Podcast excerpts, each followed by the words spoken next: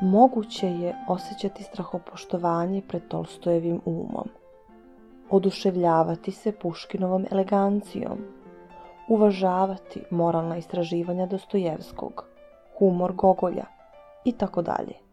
Ali želimo da ličimo samo na Čehova. Dobar dan, dragi slušaoci, ja sam Aleksandra, a vi slušate podcast Digitalnog omladinskog centra Gradske biblioteke u Novom Sadu.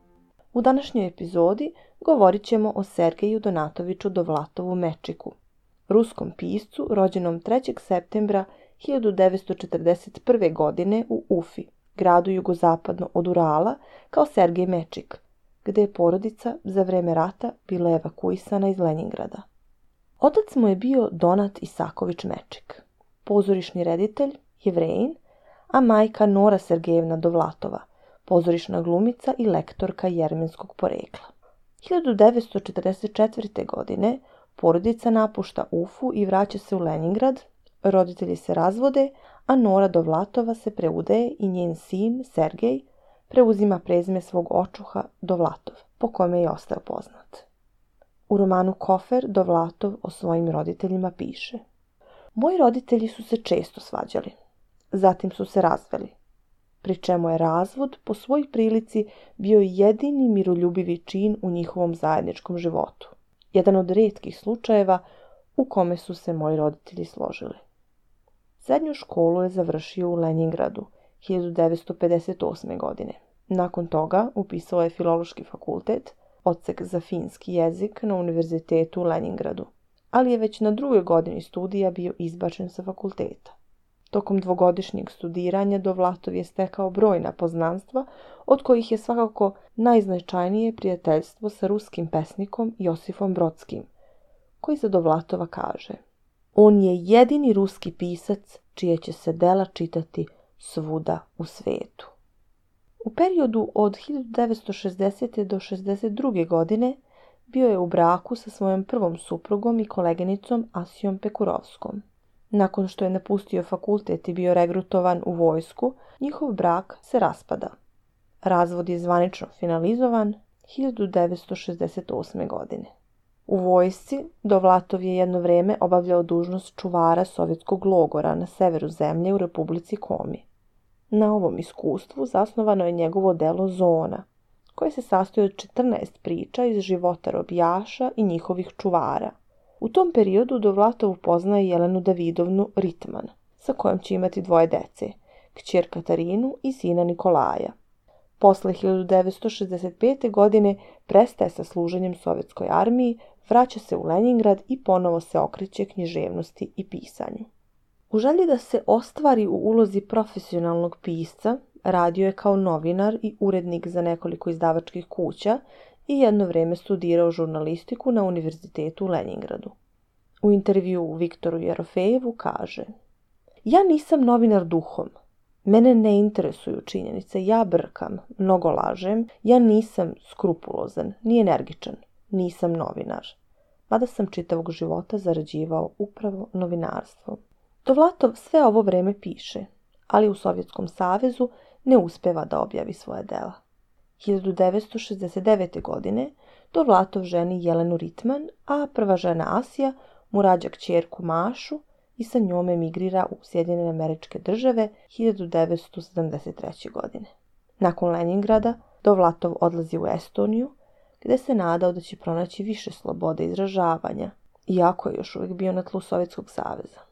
U periodu od 1972. do 1975. godine Dovlatov se u Talinu bavio novinarstvom.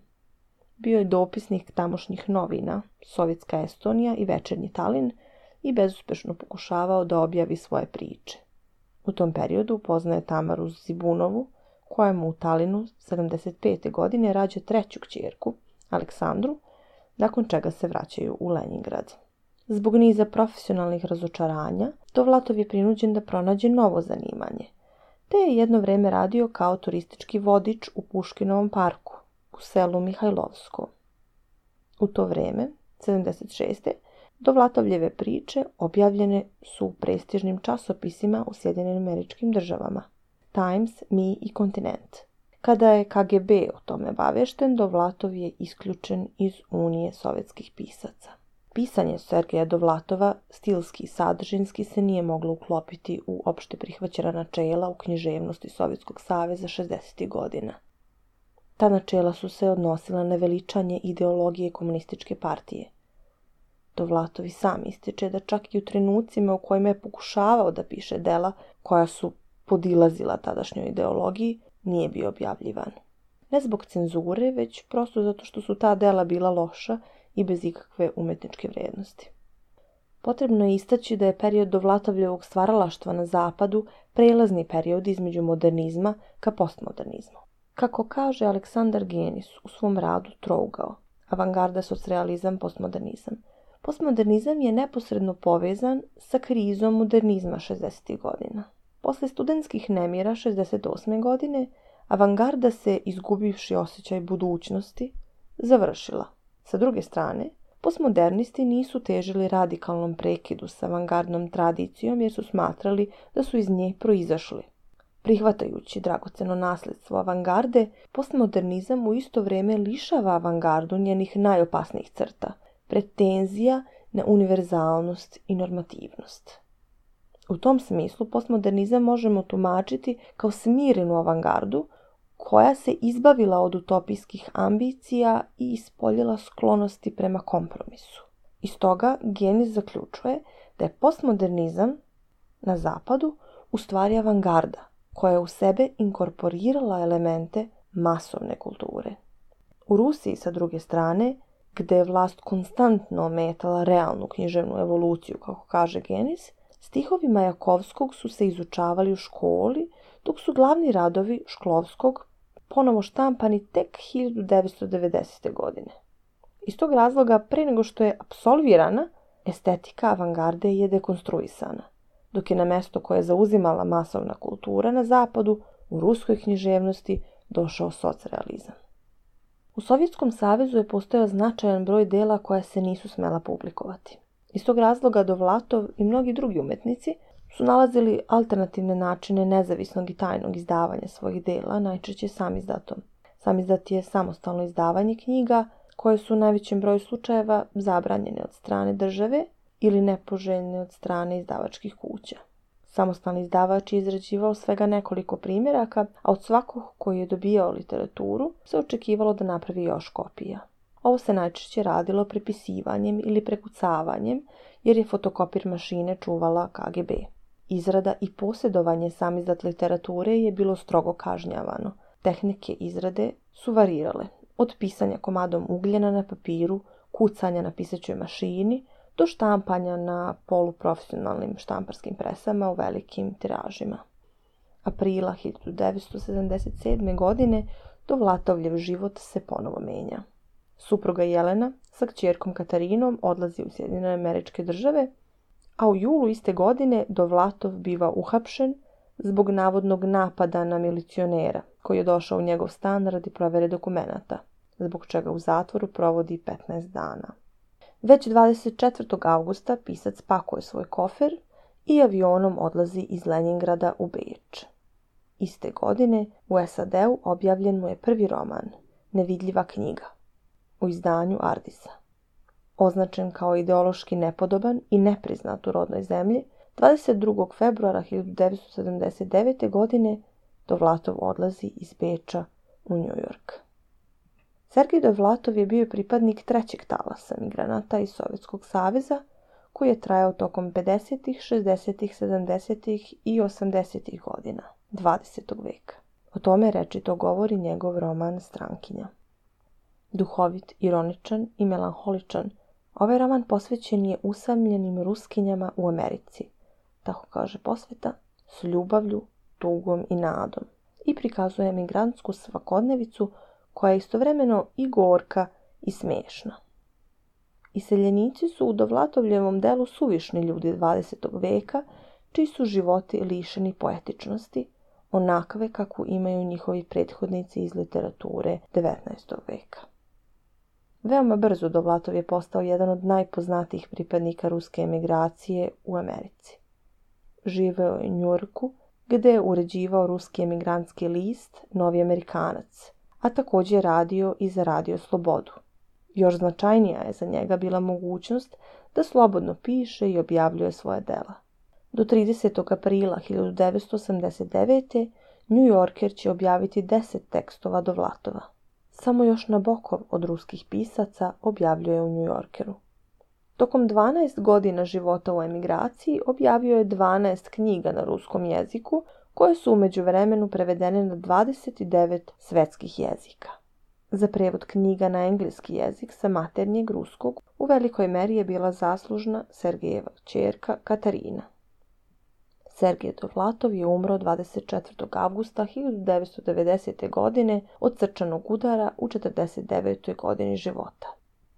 Sahranjen je u Njujorku. Na kraju su se ipak obistinile reči koje je izgovarao kada je napuštao Rusiju 1979. godine. Ponosit ćete se mnome, sve to me vodi. Tek 1991. godine romani Zona, Kompromis i Puškinova brda objavljeni su u Rusiji. Kako bi se sećanje na Sergeja Dovlatova očuvalo, na inicijativu njegove kćerke Katarine pokrenuta je akcija u kojoj je sakupljeno 18.000 potpisa te je od 7. septembra 2014. godine ulica u Njujorku ponela ime čuvenog pisca.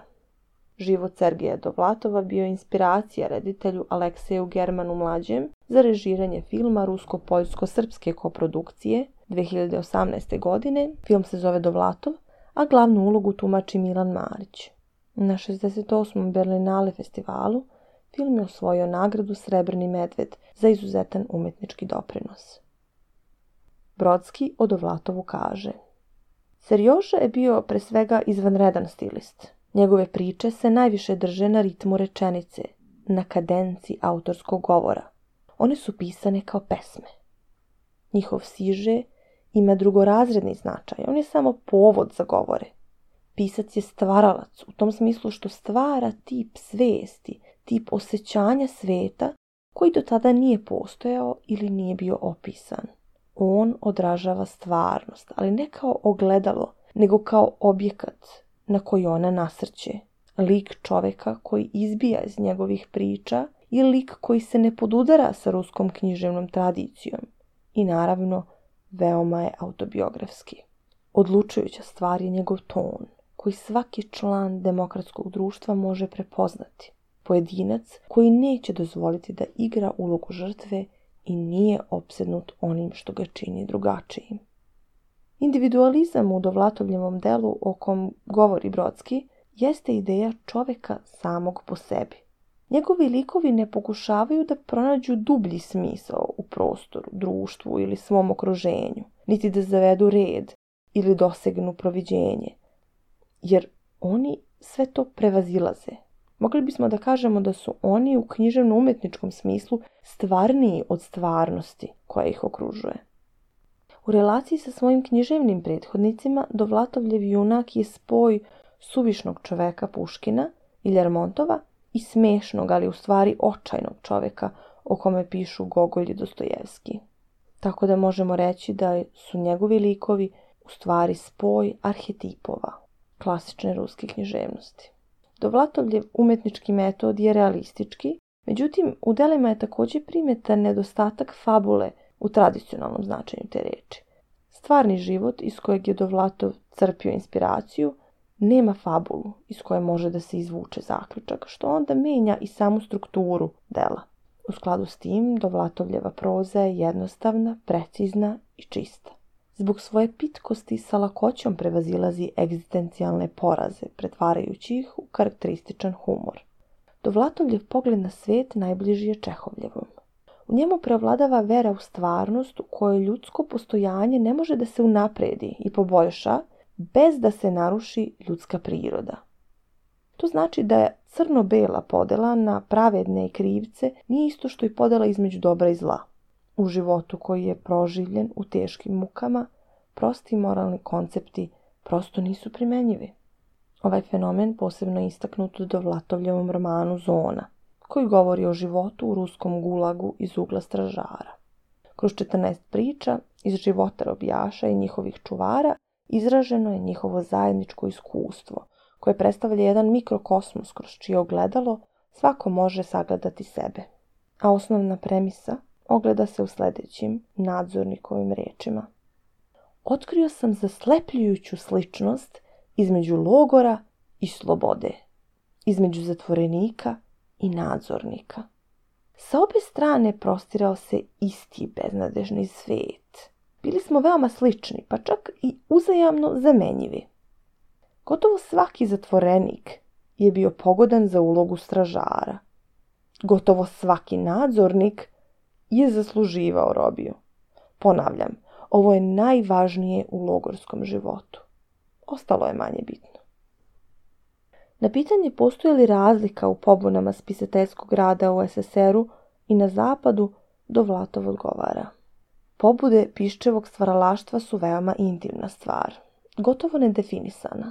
Ali ako ipak pokušam da odgovorim na ovo pitanje, onda je književni rad pre svega pokušaj da se prevaziđu vlastiti kompleksi. Da se ukloni ili oslabi tragika postojanja. Naravno, ne govorimo o onima koji pišu iz najprostijih i najzdravijih pobuda, da zarade novac, da proslave ili zadive svoje rođake. Govorim samo o onim piscima koji nisu odabrali tu profesiju, nego je ona odabrala njih. Najpoznatije Dovlatoljevo delo, Kofer, objavljeno je 1986. godine. Sastoji se od osam priča koje su predgovorom i epilogom povezane u jednu celinu, a govore o naratorevom iskustvu u Sovjetskom savezu 60. godina. Više od 20 godina kasnije, Piščev alter ego u dubinama ormara u Njujorku pronalazi stari kofer. Otvara ga i iz njega vadi šešir, šoferske rukavice, odelo, jaknu, košulju, cipele, čarape i kaiš.